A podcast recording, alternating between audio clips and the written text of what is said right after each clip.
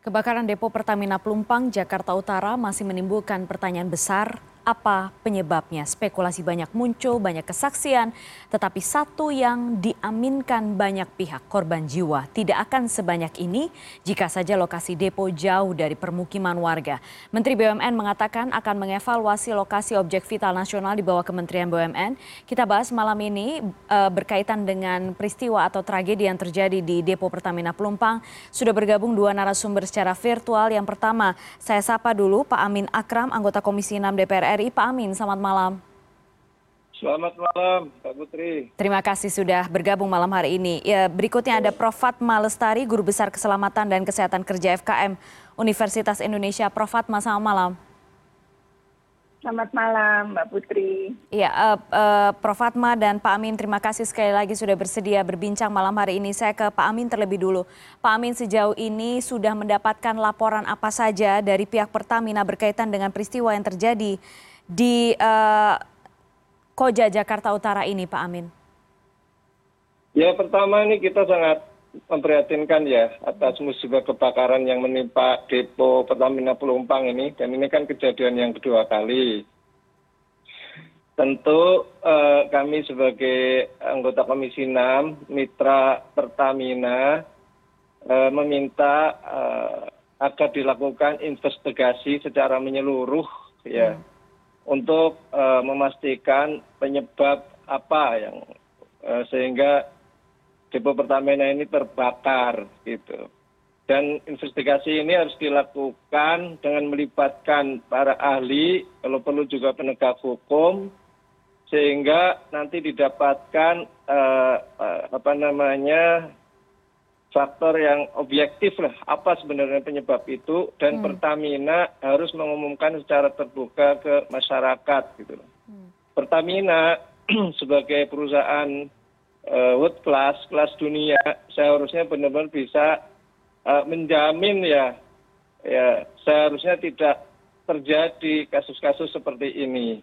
Ya apa pun penyebabnya kita sangat prihatin entah apakah itu karena kelemahan di sistem jaringan atau karena human error atau mohon maaf bisa saja mungkin ada faktor kesengajaan sabotase kan juga itu tidak menutup kemungkinan hmm. ya yeah. ya itu yang yang yang kami harapkan tentu adalah faktor uh, adanya investigasi yang kedua pertamina harus menjamin dengan uh, adanya musibah ini distribusi bbm uh, itu ke konsumen harus tetap terjaga harus cepat itu. Iya. eh, turun tangan harus benar benar tetap terjaga. Karena ini luar biasa ya.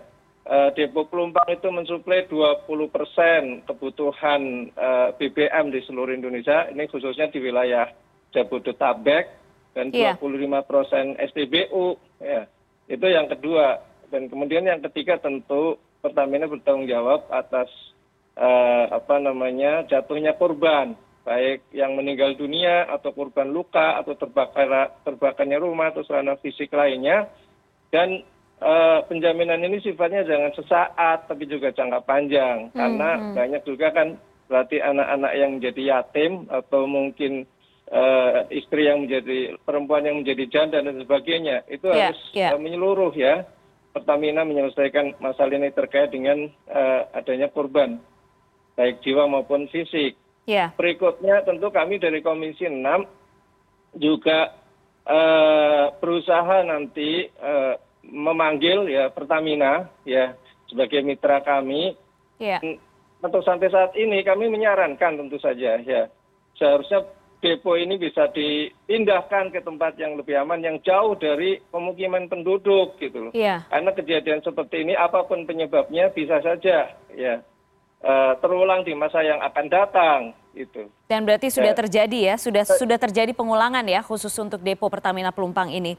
Baik. Pengulangan terjadi pengulangan dan ya. juga kejadian seperti itu terjadi depo-depo yang lainnya. Kalau hmm. tidak salah dalam dua tahun terakhir betul, ini betul. kalau nggak salah ada enam atau tujuh kejadian ya. depo ya. Pertamina itu terbakar. Ya, ya memang ini menjadi sumber keprihatinan kita bersama. Ya sekelas Pertamina ya perusahaan yang world class itu masih apa namanya terjadi kecelakaan kecelakaan seperti ini. Padahal kan seharusnya benar-benar adanya zero accident ya. Mereka zero accident ya. itu. standar keamanannya dan keselamatannya semestinya uh, zero accident. Dan apakah juga sudah mengikuti uh, aturan yang ditetapkan oleh uh, peraturan internasional berkaitan itu? Saya mau gali itu ke Prof. Fatma. Prof. Fatma kalau misalnya yang anda lihat mengapa ini bisa berulang Prof. Fatma baik uh, terima kasih uh, mbak putri. Uh, tentunya kita harus saat ini melakukan investigasi terlebih dahulu ya yeah. untuk mengetahui apa root cause atau penyebab uh, dari kejadian kebakaran dan ledakan ini. Uh, yang pertama bukan hanya mengetahui direct cause atau penyebab langsung, misalnya karena gangguan teknis atau karena adanya sumber api, tetapi juga mengetahui root cause-nya, yaitu mengapa kebakaran dan ledakan itu bisa terjadi sistem mana yang masih kurang atau perlu diimprove. Yeah. Uh, kemudian juga mengapa hal itu bisa terjadi. Kalau misalnya ada gangguan teknis, mengapa gangguan teknis itu bisa terjadi? Apa root cause-nya? Kemudian juga uh, apa indirect cause? Misalnya uh, mengapa ada gangguan teknis? Mengapa gangguan teknis itu bisa terjadi? Apakah maintenance-nya yang kurang atau SOP-nya yang perlu diimprove atau mungkin kompetensi dari uh, pelaku atau pelaksana di lapangan? Nah ini perlu dilakukan investigasi secara mendalam dan ditemukan root cause-nya hmm, untuk hmm. pencegahan uh, ke depan. lanjut, iya. Dan yang juga perlu ya yang juga perlu adalah uh, kalau kita mendengar kesaksian dari masyarakat uh, mereka mencium bau yang cukup menyengat. Ini menunjukkan bahwa ada bocoran atau ada uh, BBM yang sudah rilis terlebih dahulu ke lingkungan sekitar. Hmm. Nah, apakah ini juga sudah uh, di ada pendeteksi awal dari kebocoran ini. Karena kita tahu Depo Pelumpang ini kan dibangun tahun 1972 dan mulai beroperasi 1974. Jadi usianya sudah 51 tahun. Yeah. Dan mungkin saja pada saat itu desain uh, yang ditetapkan pada waktu itu uh, sudah sangat uh, berbeda dengan situasi yang sekarang dan juga uh, situasi pada saat itu akan tentunya pastinya akan jauh berbeda dengan situasi yang ada sekarang. Hmm.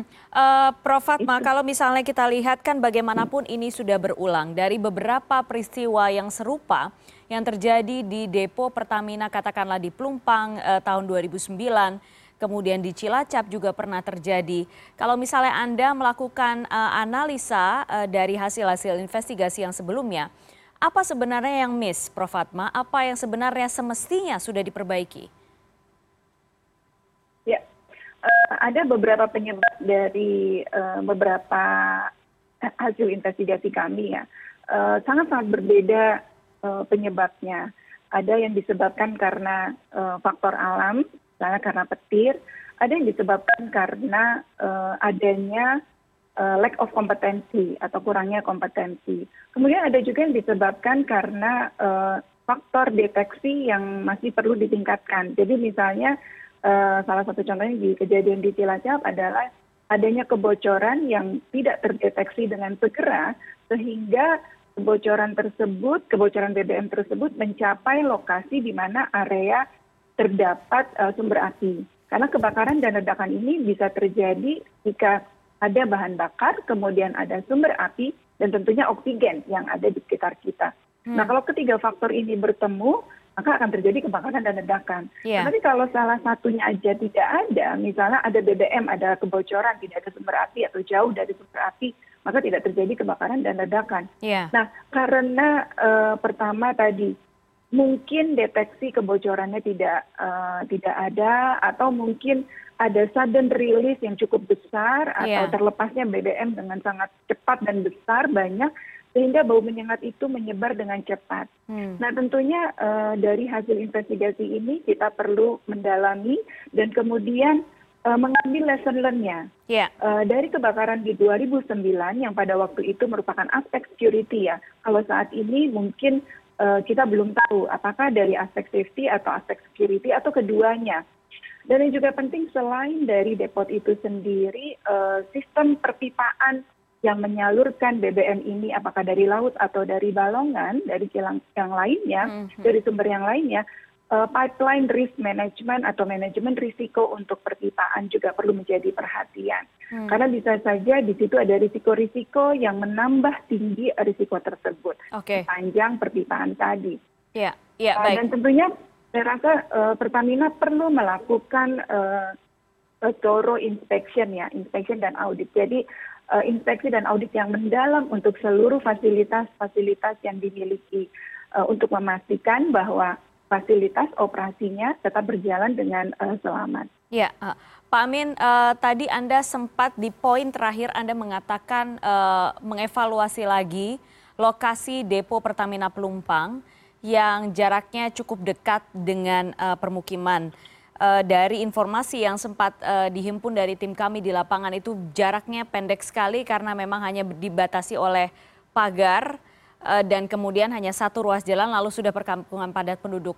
Pak Amin, kalau misalnya kita lihat memang sekarang Pak Wapres kemudian sudah mengatakan agar dievaluasi dan dipindahkan. Ada rencana dari Menteri BUMN Erick Thohir juga untuk mengevaluasi lokasi lagi. Assessmentnya ini apa saja yang harus betul-betul diperhatikan oleh Pertamina? Apakah memang hanya depo ini saja, Pak Amin, atau misalnya Anda juga uh, sudah sempat uh, menganalisa dan perlu uh, diakses ulang di wilayah-wilayah lain juga? Ya, jadi uh, ini kan bukan kasus pertama ya, sudah beberapa kali ya. Dan kita uh, menyarankan yang uh, standar ya. Artinya ini karena perusahaan kelas dunia juga harus mengikuti standar internasional. Hmm. Bicara soal sistem, bicara soal kualifikasi kan itu detailnya kan pasti ada gitu loh. Dan eh, kita menyarankan agar ada perbaikan yang menyeluruh dari pertamina menyesuaikan standar internasional itu gitu sehingga nggak terjadi berulang kasus kasus seperti ini. Kita sudah pernah sampaikan gitu dan kita memang eh, sangat menginginkan pihak mitra kami dalam ini pertamina itu benar benar terbuka ya ya terbuka kepada kami juga kepada publik apa sih sesungguhnya yang menjadi penyebab Ya, terjadinya eh, kasus kasus kebakaran seperti ini. Selama ini dari kasus-kasus sebelumnya, apakah Pertamina memberikan penjelasan yang detail kepada uh, eh, DPR Komisi 6?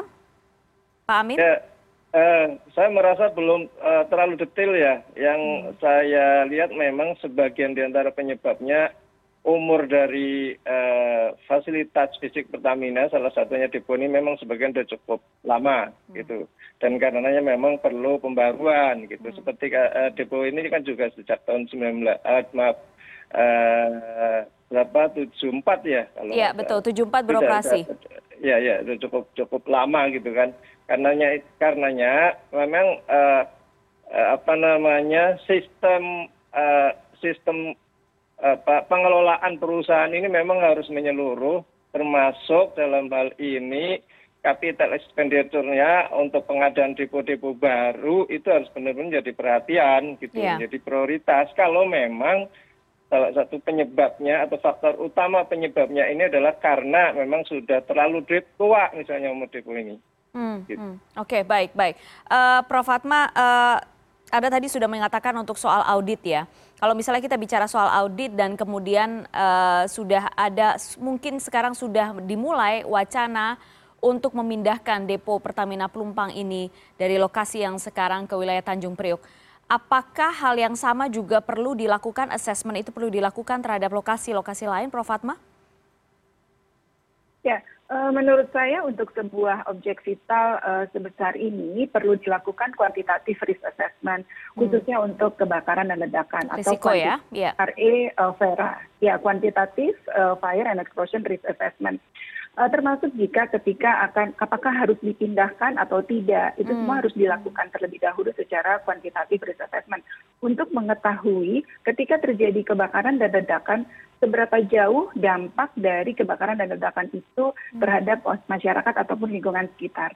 Yeah. Sebetulnya di tahun 2007 kami pernah melakukan uh, analisis uh, risk assessment untuk uh, depo Pelumpang yeah. di salah satu tankinya. Dan uh, memang uh, pada waktu itu uh, ada salah satu rekomendasinya adalah uh, memberikan buffer, buffer zone ya, iya. atau yeah. um, memberikan area jarak yang cukup uh, antara uh, depo Pertamina Pelumpang dengan uh, pemukiman. Seberapa Dan jauh, idealnya Prof? adalah memang uh, kalau bisa seperti misalnya uh, ada kali sunter ya di situ ya kali sunter ya. Hmm. Uh, sebaiknya juga dipisahkan dengan kali tersebut sehingga kalau ada kebocoran ataupun ada rilis yang uh, tidak terduga ada ada ada jarak yang memisahkan antara Hmm. kebakaran dengan pemukiman sekitarnya. Hmm. Ada perhitungan idealnya berapa tidak, Prof? diperhatikan, Ya, Ada perhitungan eh, idealnya? minimal itu kalau kita lakukan eh, kaji risikonya, dari kaji risikonya minimal itu kalau bahannya adalah BBM, eh, waktu itu kita melakukan Pertamax itu minimalnya adalah eh, di 50 atau kalau lebih baik lagi itu adalah di 100 meter untuk mencegah panas dari kebakaran itu mencapai pada pemukiman. Hmm, 50 sampai 100 meter, baik. Dan itu kajiannya sudah dilakukan sejak tahun 2007 berarti ya, Prof ya? Ya, betul. Apakah uh, apakah informasi tersebut memang sudah sempat disampaikan kepada pihak Pertamina atau tentunya kita tahu informasi-informasi dan standar internasional itu kan mestinya juga sudah diketahui gitu ya kan, Prof? Ya, eh, saya rasa mungkin eh, sudah ya karena eh, pada waktu itu juga kami melakukan studinya bersama-sama dengan mereka begitu ya. Eh, kemudian selain itu juga eh, ada rencana memang membuat buffer zone eh, se- sepanjang 50 meter ya, jarak Hmm, jarak oke. 50 meter. Namun eh, mungkin saya nggak tahu kenapa eh, hal tersebut belum terrealisasi. Eh, dan juga yang penting adalah eh, Mbak Putri memastikan bahwa kalau misalnya begini, pada waktu di awal dibangun depo Pertamina Pelumpang ini kan belum banyak ya pemukiman di Iya, sekitarnya, betul, gitu betul. ya. Namun kemudian dengan sejalannya waktu eh, pemukiman menjadi lebih padat di sekitar itu dan ini perlu dijaga agar hal tersebut tidak terjadi.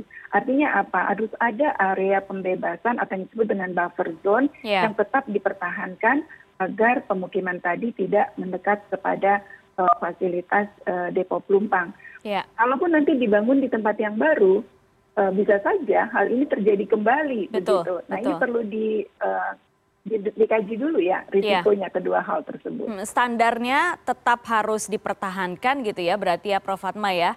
Artinya Pak Amin, artinya Pak Amin, ini semata-mata tidak hanya urusan Pertamina sendiri, tapi juga harus ada koordinasi yang kuat, yang tight dan sama-sama menjaga. Katakanlah dari pemerintah daerahnya gitu kan Pak Amin?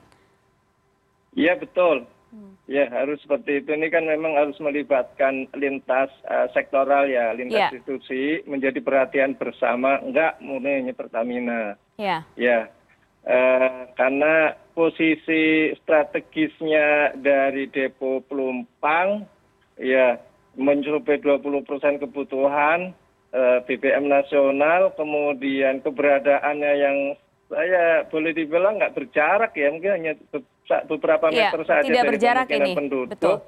Nah, kemudian terjadi kasus seperti ini, tentu kami pihak Komisi 6 nanti memberi perhatian yang jauh lebih besar lagi ya, atas eh, kasus terjadinya eh, kebakaran di depo Pelumpang ini. Tidak menutup kemungkinan kami nanti eh, apa akan membentuk panja investigasi secara khusus khususnya untuk eh, kasus eh, yang terjadi di depo Pelumpang ini dan kemudian juga kita ingin menguak tabir secara detail sesungguhnya apa sih yang menjadi penyebab utama eh, terjadinya kasus-kasus kebakaran ini di beberapa depo Pertamina dan Ya. tentu ini kami Sudah harus ada pembahasan- juga dengan banyak pihak, Ya. para pakar di eh, bidangnya juga. ya sudah ada pembahasan pembentukan panja itu Pak Amin di internal? Belum, karena ini kan kasusnya baru kemarin ya. Oke, baik.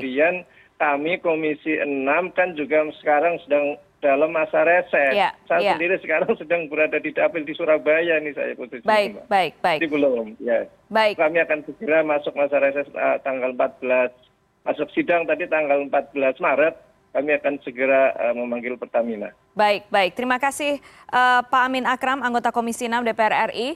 Eh, fraksi PKS sudah bergabung pada malam hari ini. Prof. Fatma Lestari, Guru Besar Keselamatan dan Kesehatan Kerja FKM Universitas Indonesia memberikan gambarannya apa yang sebaiknya dilakukan sesegera mungkin. Terima kasih eh, Bapak dan Ibu, sehat selalu. Terima kasih Mbak Putri.